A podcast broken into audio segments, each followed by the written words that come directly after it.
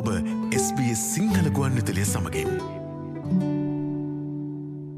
දෙදහස් විසි දෙකේ සැප්තම්බර් දහසේ වන දස්ට්‍රලාවේ කොවිට්ත්තේ පිළිබඳ යාවත්කාරන තොරතුරු වෙත දැන් අපි අවධහනයමු කරමු.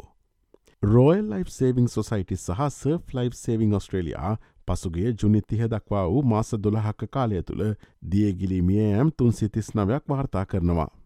ඒ දහස් නමසය අනු හය වසරෙන් පසෝස්ට්‍රලයාාවේ දියගිලිමියගේ වැඩිම සංඛ්‍යාවයි. මෙම මරණ COොVID-19 වසංගතය සහ උණුසුම් හා වැසි කාලගුණය සමඟ සම්බන්ධ වී තිබෙන බව ඔවුන් පවසනවා. පාසල් වයසේ ලමුන් දියගිලීමේ ඇම් වැඩවීම කේදනිය වන අතර එය COොVID-19 හේතුවෙන් මගහැරුණු පාඩම්වල පරම්පරාගත බලපෑම්වල සලකුණක් විය හැකි බව සර්ෆ්ලයිම් සේවිං ඔස්ට්‍රලයාහි ප්‍රධාන විදායක ජස්ටින්ස්කා පැවසවා. සමස්ත මරණවලට වෙරලාශ්‍රිත දියගිලීම් එකසිය හතලිස්ස එකක් සහ ගංවතුරාශ්‍රිත දියගිලීම් හතලිස් තුනක් ඇතුළත් වනවා.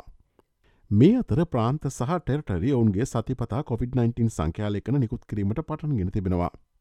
පසුගේ මාසේ පැවති ප්‍රාන්ත සහ ටෙරටරි සෞඛ්‍ය අමාත්‍යවරුන්ගේ රැස්සීමෙන් පසු සැප්තැම්පර් නවනතින සිට ඔවුන්ගේ දෛනික කොවිඩ් යාවත්කාලන කිරීම් නතර කිරීමට ඔවුන් තීරණය කලා. මේ අතර ප්‍රතිශක්ති කරන පිළිබඳ ස්ට්‍රලනු තාක්ෂණික උපදේශක කණ්ඩෑම වයසවුරුදු පහත් එකොල් හත් අතර දරුවන්ට බූෂ්ට මාත්‍රාවක් අවශ්‍ය නොවන බව කියා සිටියා. කෙසේ වෙතත් ඔස්ට්‍රලයාාවේ ෞෂධහා චිකිත්සක අධිකාරිය මෙම වයස්කාණ්ඩේ සඳහා බුෂ්ට මාත්‍රාවක් අනුමත කළ පසු එහි සාක්ෂි සමාලෝචනය කරනු ඇති. අවුදු හයට අඩුලමුන් සඳහා ෆයිසන්නත භාවිතය ඔස්ට්‍රලනු තාක්ෂණික උපදේශක කණ්ඩෑම තවමත් අනුමත කරනහැ. මොඩනහි ස්පයික් වෙක්ස් එන්නත මෙම වයස් කාණ්ඩේ සඳහා අනුමත කරන ලද එකම COොVID-19 එන්නත වනවා.